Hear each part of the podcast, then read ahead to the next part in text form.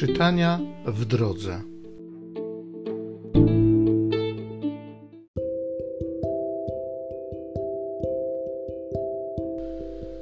Z księgi proroka Ezechiela. Tak mówi Pan Bóg. Oto wybieram Izraelitów spośród ludów, do których pociągnęli, i zbieram ich ze wszystkich stron, i prowadzę ich do ich kraju i uczynię ich jednym ludem w kraju na górach Izraela, i jeden król będzie nimi wszystkimi rządził, i już nie będą tworzyć dwóch narodów, i już nie będą podzieleni na dwa królestwa. I już nie będą się kalać swymi bożkami i wstrętnymi kultami i wszelkimi, odst- i wszelkimi odstępstwami uwolnię ich od wszystkich wiarołomstw, którymi zgrzeszyli. Oczyszczę ich i będą moim ludem. Ja zaś będę ich Bogiem. Sługa mój, Dawid, będzie królem nad nimi i wszyscy oni będą mieć jedynego pasterza i żyć będą według moich praw i moje przykazania zachowywać będą i wypełniać będą mieszkali w kraju, który dałem słudze mojemu Jakubowi, w którym mieszkali wasi przodkowie. Zamieszkają w nim oni i synowie i wnuki ich na zawsze, a mój sługa Dawid będzie na zawsze ich władcą. I zawrę z nimi przymierze pokoju. Będzie to wiekuiste przymierze z nimi. Osadzę ich i rozmnożę a mój przybytek pośród nich umieszczę na stałe. Mieszkanie moje będzie pośród nich i ja będę ich Bogiem, a oni będą moim ludem. Ludy zaś pogańskie poznają, że ja jestem Pan, który uświęca Izraela, gdy mój przybytek będzie wśród nich na zawsze.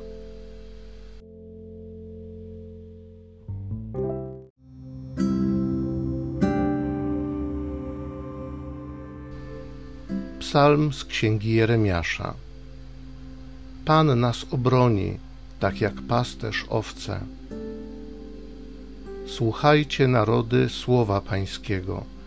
Głoście je na wyspach odległych i mówcie: Ten, który rozproszył Izraela, znów go zgromadzi i będzie nad nim czuwał jak pasterz nad swym stadem.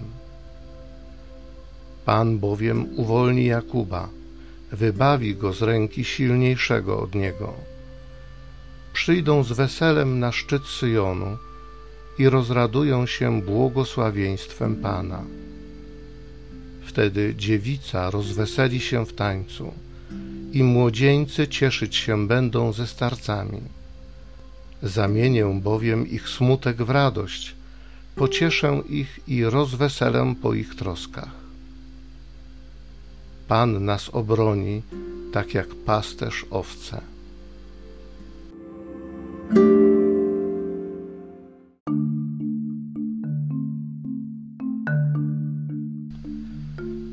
Odrzućcie od siebie wszystkie grzechy i uczyńcie sobie nowe serce i nowego ducha.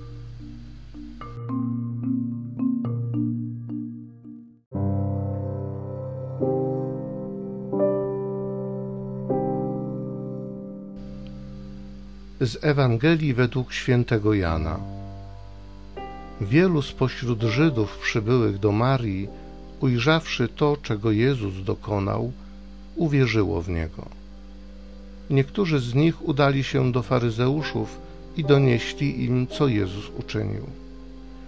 Arcykapłani więc i faryzeusze zwołali Sanhedryn i rzekli: Cóż zrobimy wobec tego, że ten człowiek czyni wiele znaków?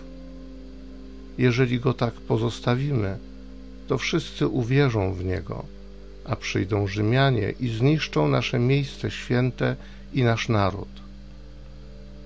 Wówczas jeden z nich, Kajfasz, który w owym roku był najwyższym kapłanem, rzekł do nich: Wy nic nie rozumiecie i nie bierzecie tego pod rozwagę, że lepiej jest dla was, aby jeden człowiek umarł za lud, niżby miał zginąć cały naród.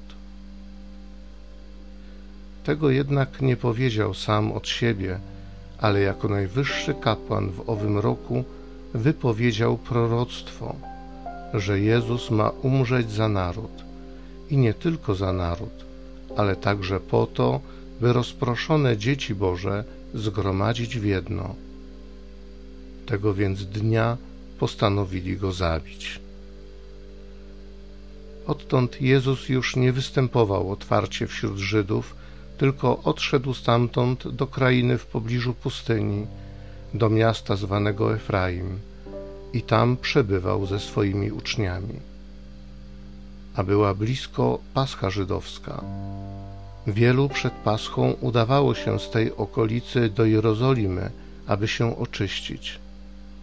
Oni więc szukali Jezusa i gdy stanęli w świątyni, mówili jeden do drugiego: Jak wam się zdaje, czyżby nie miał przyjść na święto? Arcykapłani zaś i faryzeusze wydali polecenie, aby każdy, ktokolwiek będzie wiedział o miejscu jego pobytu, doniósł o tym, by można było go pojmać.